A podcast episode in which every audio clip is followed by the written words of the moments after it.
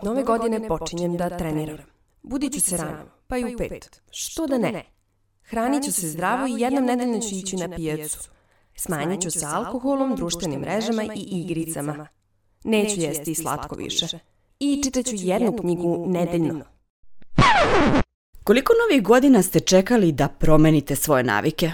Koliko ste novih navika zapravo uspeli da usvojite 1. januara?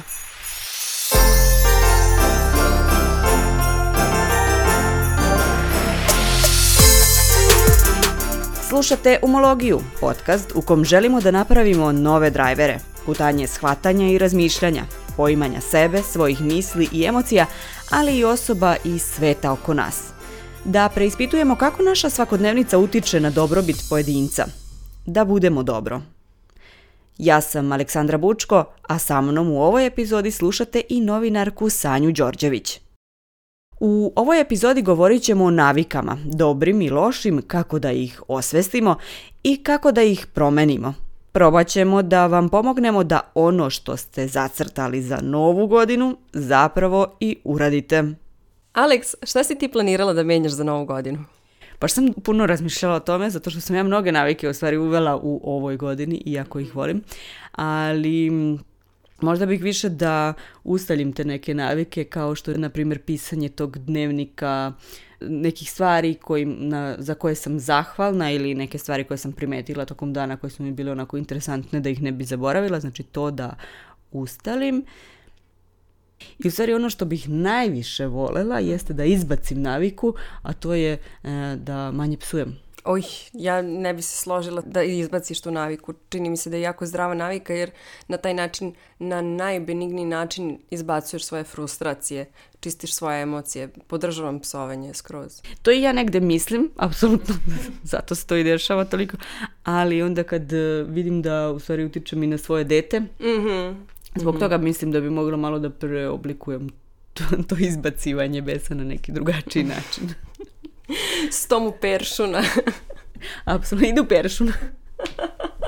A ti? Koje ćeš ti navike da uvedeš? Pa, znaš kako, trenutno sam u procesu menjanja navika i spremajući ovu epizodu i čitajući knjigu Atomske navike, negde sam osvestila šta zapravo radim svakog dana što ne primećujem i voljela bi svakako da krenem više da se bavim fizičkim aktivnostima zato što sam primetila da one jako pozitivno utiču i na moje fizičko stanje i na psihu i voljela bih da završim master rad. Mislim da su mi te navike zapravo najveća prepreka u tome zato što ih ne vidim kao nešto što radim svakodnevno, nego i tu i tamo pročitam neki naučni rad i kao to je to. Mislim i boli me glava od tih stvari. Tako da imam još malo fore od nove godine ako ne završim to, ništa nisam uradila. Znači, taman će ova epizoda da ti pomogne da uvedeš nove navike, da u stvari radiš na sebi i da završiš master rad.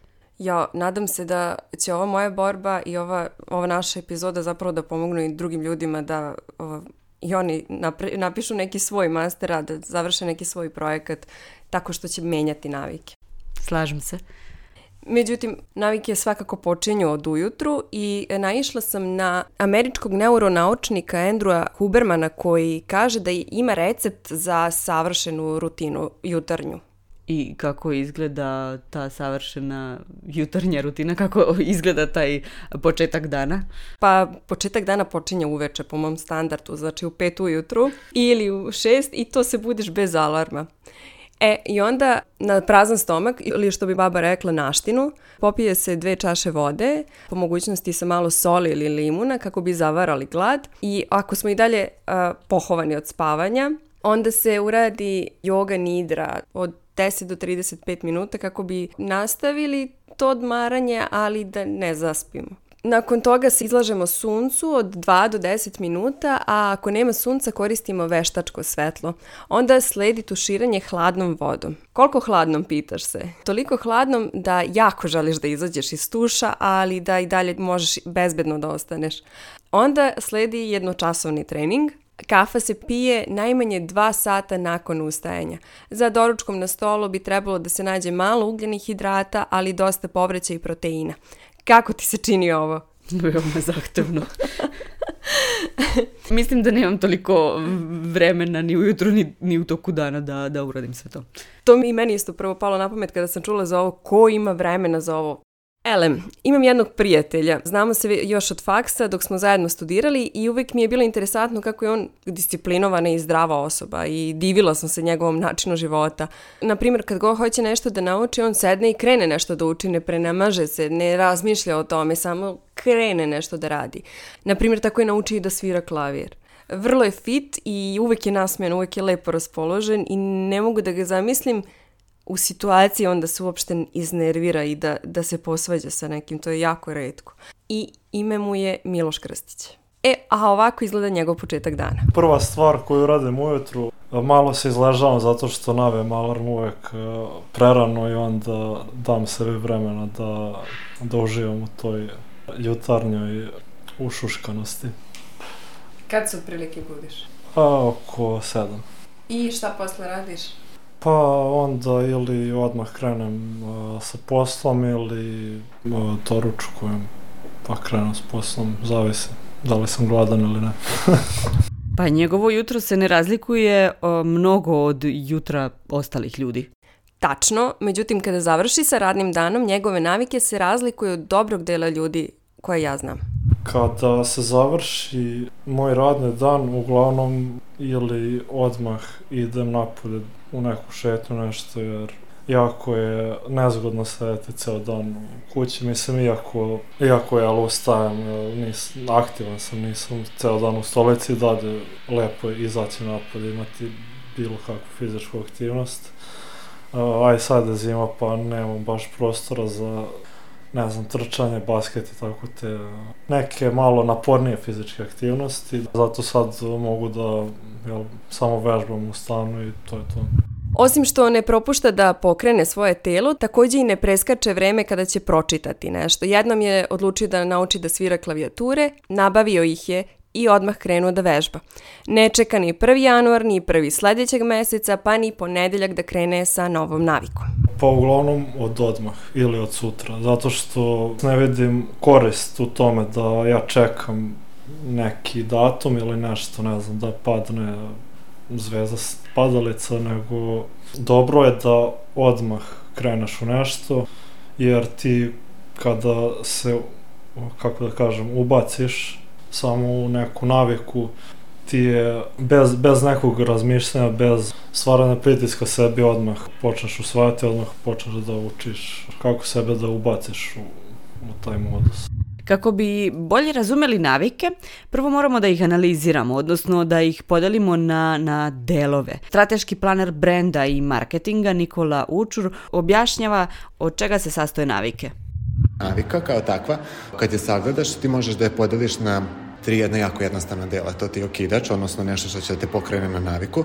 Imaš konstantno neke radnje, odnosno učiš me, putem memorije ili slično, učiš telo, organizam da ti uhvati tu naviku i imaš hormon nagrade, odnosno šta god da uradiš da bi sebe nagradila za tu naviku, tebi će da pomogne da kaže mozgu, e, ovo nam je korisno, ajde da nastavim dalje ovo da radim. Zapravo, i ako hoćeš sebe, na primjer, u navici, kao da istakneš ili želiš da promeniš sebi naviku, uzmi alarm kao kidač. Ne razmišljamo mnogo o navikama koje praktikujemo. Zato je prvi korak u njihovim promenama u stvari osvešćivanje istih.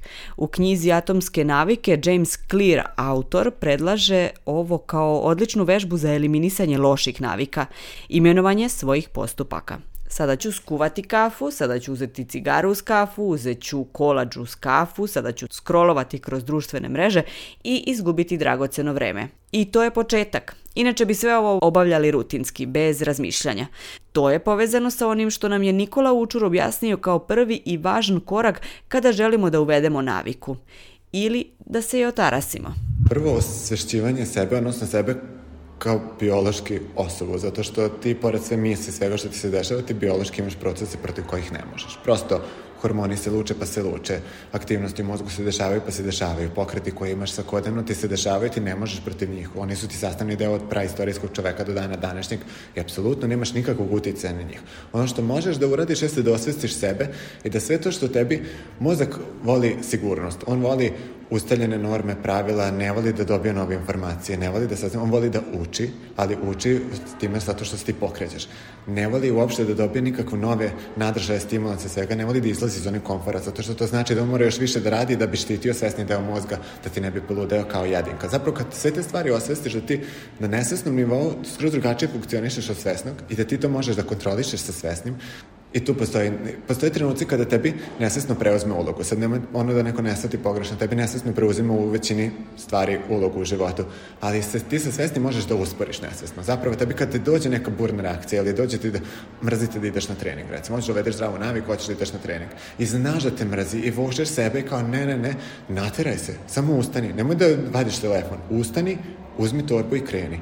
Mrzit ćeš sebe 15 sekundi, posle toga ćete biti mrzovano, otićeš na taj trening, bit će te sramota što svi super izgledaju, treniraju iza. I bilo šta, a ti ne, malo ćeš raditi tamo, završiš, izlučit će ti se dopamin, izlučit će ti se endorfin, neš osetiti nikakav bol, osetit ćeš sreću, dobit ćeš malo i serotonina, svakako koji je hormon, hormon sreće, i osjećaš se lepo. I mozak će dobiti super aktivnost, odnosno dobit će tu nagradu i reći, ovo je lepo. Ali sutradan će tebe opet da mrzi, zato što mozak ne može da uči za jedan dan, pa da kao, nego moraš da ponavljaš, ponavljaš, ponavljaš i vremenom će tebi to postati navika da će ti zavisnik postati od tog, te dobre navike treninga. To je jedan od razloga zašto sam baš izabrala Miloša za ovu epizodu. Radi mi kada mi se apsolutno ništa ne radi, kad nema volja za životom, jer shvatam tu neku medijativnu vrednost svih tih aktivnosti i da treba držati ono mozak i telo u, u ne, nekom, nekoj vrsti balansa. Jedna od čestih grešaka koje svi pravimo su megalomanski planovi. Uradit ću 100 trbušnjaka, pretrčati 10 km, pročitati pola knjige dnevno, napisati 50 stranica knjige. Čak i da je sve ovo moguće uraditi odjednom, vrlo su male šanse da će nam preći u naviku. Jedan sklek, 5 minuta trčanja, stranica knjige, jedna rečenica, sasvim je dovoljno za početak. Put od hiljadu milja počinje jednim korakom, rekao bi svojevremeno Tolkien. Bitno je da se krećemo. Navešću vam jedan interesantan primjer. Profesor fotografije na Univerzitetu Floridi u Sjedinjenim američkim državama Jerry Wellsman podelio je svoje studente na dve kategorije. Prva grupa imala je zadatak da do kraja semestra napravi što je više moguće fotografija, dok je druga grupa morala da preda samo jednu fotografiju, ali se ocenjio njen kvalitet, a kriterijum za ocenjivanje je bio strog. Daću vam trenutak da razmislite ko je bolje prošao. Tačno, pogodili ste. Bolje fotografije predala je grupa čiji je zadatak bio da prosledi što je više moguće fotografija, odnosno koja je bila ocenjivana na osnovu kvantiteta. Kako to? Pa tako što su ovi, čiji je cilj bio kvantitet, ceo semestar bili fokusirani na fotografiju, eksperimentisali su, testirali su različite metode, učili su na svojim greškama i tako su izbrusili sobstvene veštine. Ovi koji su se fokusirali na kvalitet, uglavnom su sedeli i razmišljali šta je to kvalitet, pa su na kraju malo toga imali u stvari da pokažu, osim osrednje fotografije. Grupa koja je bila ocenjivana na osnovu kvantiteta činila je male korake i usavršila svoju veštinu i znanje. Grupa koja je samo promišljala ostala je u mestu, stagnirala. Vraćamo se uskoro. Ostanite uz umologiju.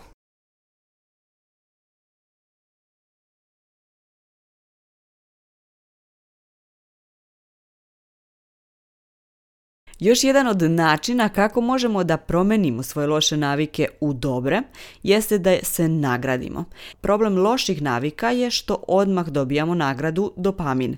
Kada igramo igricu, dobijamo poene, novčiće. I to odmah. Kada trčimo, umaramo se, bole nas noge, zadišemo se, znojimo se. Kao nagradu dobijemo upalu mišića. Loše navike donose trenutno zadovoljstvo. Dobre navike daju nam korist na duže staze. Nikola Učur objašnjava kako one funkcionišu. Cigarete, one funkcionišu potpuno isto, samo što su one suprotno od svega. Ti pušiš cigaretu, tebi se luče određeni, određeni hormoni, oni tebi daju hormone nagrade koje tebi kao, ok, ja treba da pušim i ti nastavljaš dalje. Tebi prva cigareta sigurno nije dopala ako si pušač.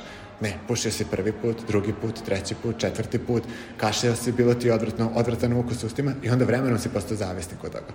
Ali si sebe terao da radiš lošu stvar Sad isto to za bilo koju naviku uzmi, teraj sebe da radiš pozitivnu stvar za sebe i vidjet ćeš da će ti život biti desetostruko lepši i bolji. Ovo me podsjeća na jedan intervju koji sam radila pre nekoliko meseci. Mihal Šulja iz Kovačice bio je strastveni pušač gotovo četvrt veka. U svojoj 40. je rešio da promeni nešto u svom životu i pušenje je zamenio trčanjem, iako se nikad ranije nije ozbiljnije bavio sportom. Sada je reprezentativac, ali i rekorder u ultramaratonu Srbije i Slovačke. Pre par nedelja je u Tajvanu pretrčao ukupno 452 km i tako postao peti na svetu u ultramaratonu. Dakle, on je sa 40 godina osvestio da ima naviku koje želi da se reši.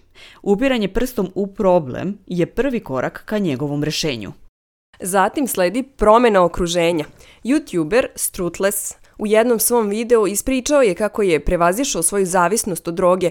E, praktikovao je ovo ponašanje između ostalog jer je njegovo okruženje izgledalo kao da u njemu živi zavisnik. Zato mu nije bilo teško da kada se vrati sa odvikavanja nastavi sa svojom lošom navikom. Kada je sredio prostor u kome živi, sredio je i svoj život. Svakako nije samo to što je promenio okruženje pomoglo da se on reši zavisnosti, ali ovo je jedan od faktora. Takođe, u knjizi Atomske navike se preporučuje da navike koje želimo da usvojimo učinimo lako dostupnim i pristupačnim.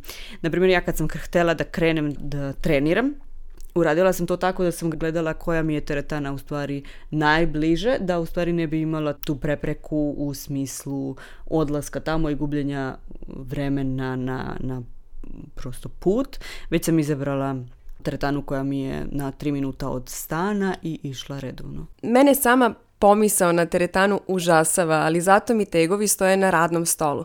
Ne dešava se često, ali s vremena na vreme ih upotrebim, s obzirom da su mi u video krugu odmah tu iza laptopa, u većem delu dana.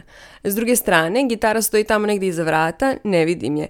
Svaki put kad bi htela nešto da zasviram, morala bi prvo da je naštimujem. Trzalice su ko zna gde, a sada joj fali žica i pune prašine i svaki put kad je dotaknem, zapravo je uzimam samo da bi je podigla da bi usisala ispod nje. Moj psihoterapeut je podelio sa mnom priču o liku koji e, je uvek hteo da svira gitaru, znao je da svira gitaru, hteo je da svira gitaru, ali umesto toga vrlo često stvari gledao televizor. Zato što mu je prosto to bilo pristupačnije i lakše da samo upali, klikne i gleda televizor i šta je uradio? Uradio je to da je izvadio baterije iz daljinskog, mm-hmm. baterije je stavio u spavaću sobu, daljinski je stavio na drugi kraj sobe na policu visoku, a gitaru je stavio pored televizora. Mm-hmm. I onda kada je imao slobodnog vremena i hteo da ga iskoristi, gitara mu je bila samo tu da uzme, a da gleda televizor trebao je da napravi niz koraka i tako je u stvari on počeo vrlo češće da svira gitaru. Sjajno, sjajno. Zato ima smisla da ako e, voće stoji na dnu frižidera u fioci, tu i završi svoju karijeru. A ako stoji na sred stola, negde gde nam je usput, e, brzo i nestane. Dok ćemo grice i slatkiše sakriti na nekoj visokoj polici gde nam treba stoličica da je dohvatimo.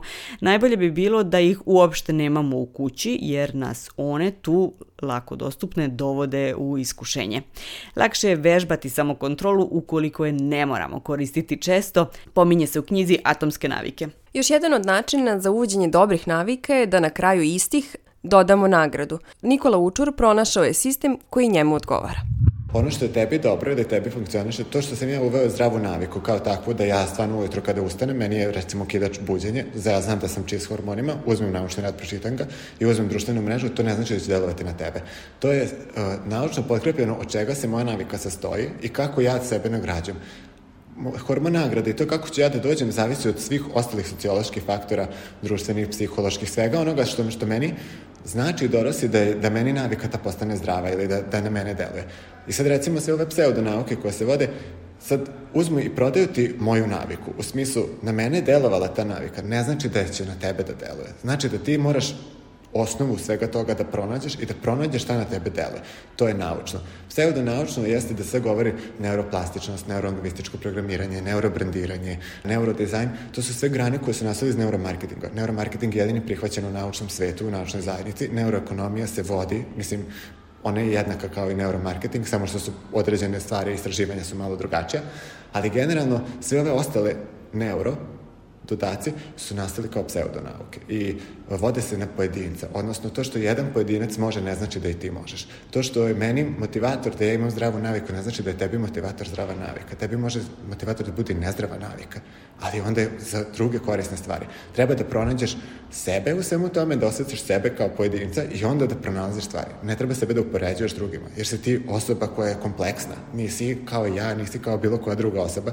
Ti si kompleksna osoba sa svim svojim stvarima i to je tvoje nesvesno.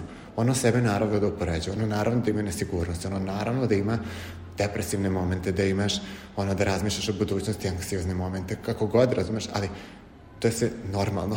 Ti si ta osoba, upoznaj sebe, saznaj se o sebi sve naučno što možeš i veruj mi da će ti se skroz drugačiji racio ponašati prema nesvesnom delu. Ti ćeš zapravo pronaći sebe i shvatit ćeš zašto si ti ti, a ne ti u odnosu na nekog drugog. Još jedan od načina da promenimo navike jeste i da promenimo identitet. Zvuči kao strašna stvar, ali zapravo nije. Recimo da želimo da počnemo da se bavimo sportom kao ova persona.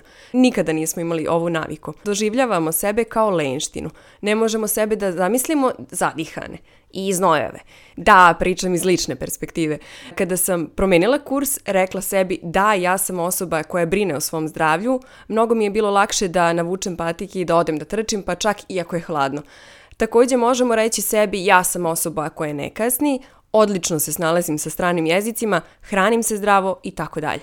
Isto tako kao što smo spominjali u jednoj od prethodnih epizoda, to je epizoda broj 4 učenja za devojčice, dobro je zastati i preispitati se. Koja su to uverenja koja vezujemo za svoj identitet? Da li su ona naša ili dolaze iz okruženja? Ko profitira od njih? Trend i popularnost zavisi od psihometrijskih analiza, odnosno svega što je tebi dostupno na društvenim mrežama. Ljudi postaju se pasivni i pasivni prema sebi, svi žele da izgledaju vrhunski, svi žele instant promene i rešenja i zapravo svi sebi postavljamo ajde od sutra ću, ajde od ponedjeljka ću, evo od prvog meseca i zapravo se oni samo vežu za to. Da ljudi to generalno ne rade, ne bi ni kompanije to tako slale poruku. Tako da oni na osnovu uvida svega što imaju u odnosu istraživanja tržišta, odnosno idealnog klijenta, zato što nije svaki proizvod za svakoga i to se pravi recimo sad sve neuromarketičke istraživanja se prave prema petofaktornom modelu, odnosno vama se idealni korisnik ne pravi više ono od 13 do 15 godina i slično, nego se napravi jedna idealna osoba koja ima različite petofaktorni model i svi koji imaju isti takav petofaktorni model će se poistovetiti nezavisno koliko godina oni da imaju. I zapravo svi veliki brendovi kada rade kao žele da ti nametnu neku naviku slično, namerno su tako koncipirali tu poruku zato što se obraćaju osobi koja ima takav petofaktorni model. Ne može ona na neko ko ima izgrađenu naviku da utiče ta poruka jednako koliko će da utiče na neko ko apsolutno nema i koji stvarno živi taj ej od prvog ću, ej od ponedjeljka ću ili ej.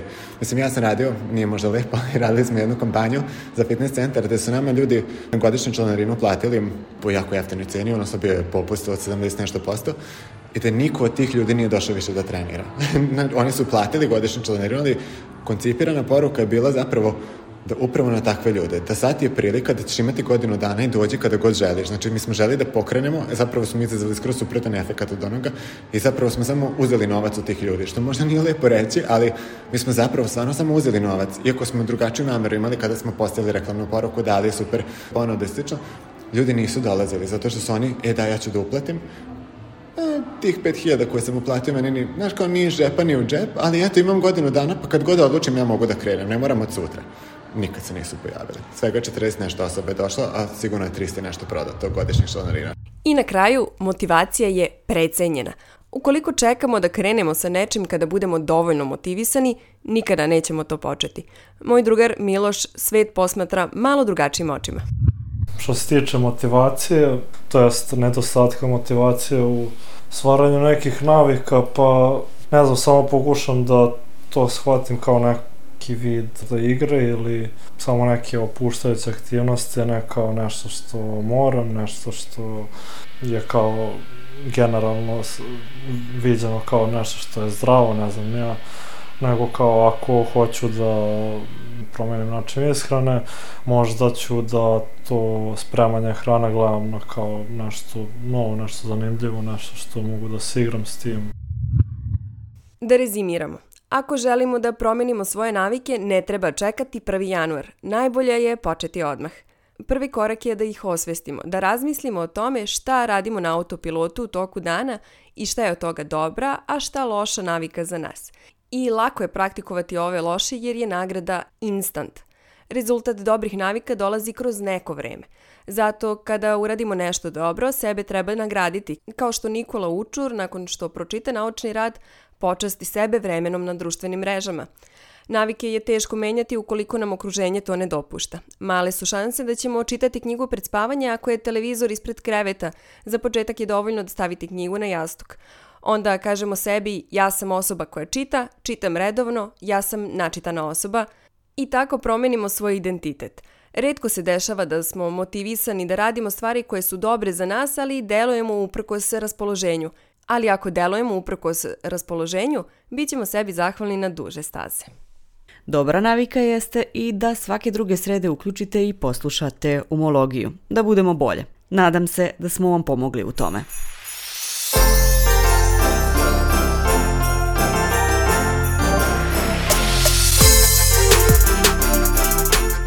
Slušali ste podcast Dumologija, podcast u kom želimo da napravimo nove drajvere, putanje shvatanja i razmišljanja, poimanja sebe, svojih misli i emocija, ali i osoba i sveta oko nas. Put od hiljadu milja počinje jednim korakom. Za početak je dovoljno uraditi jedan sklek, dokle god ga radimo svaki dan. Ovu epizodu su kreirale Sanja Đorđević i Aleksandra Bučko.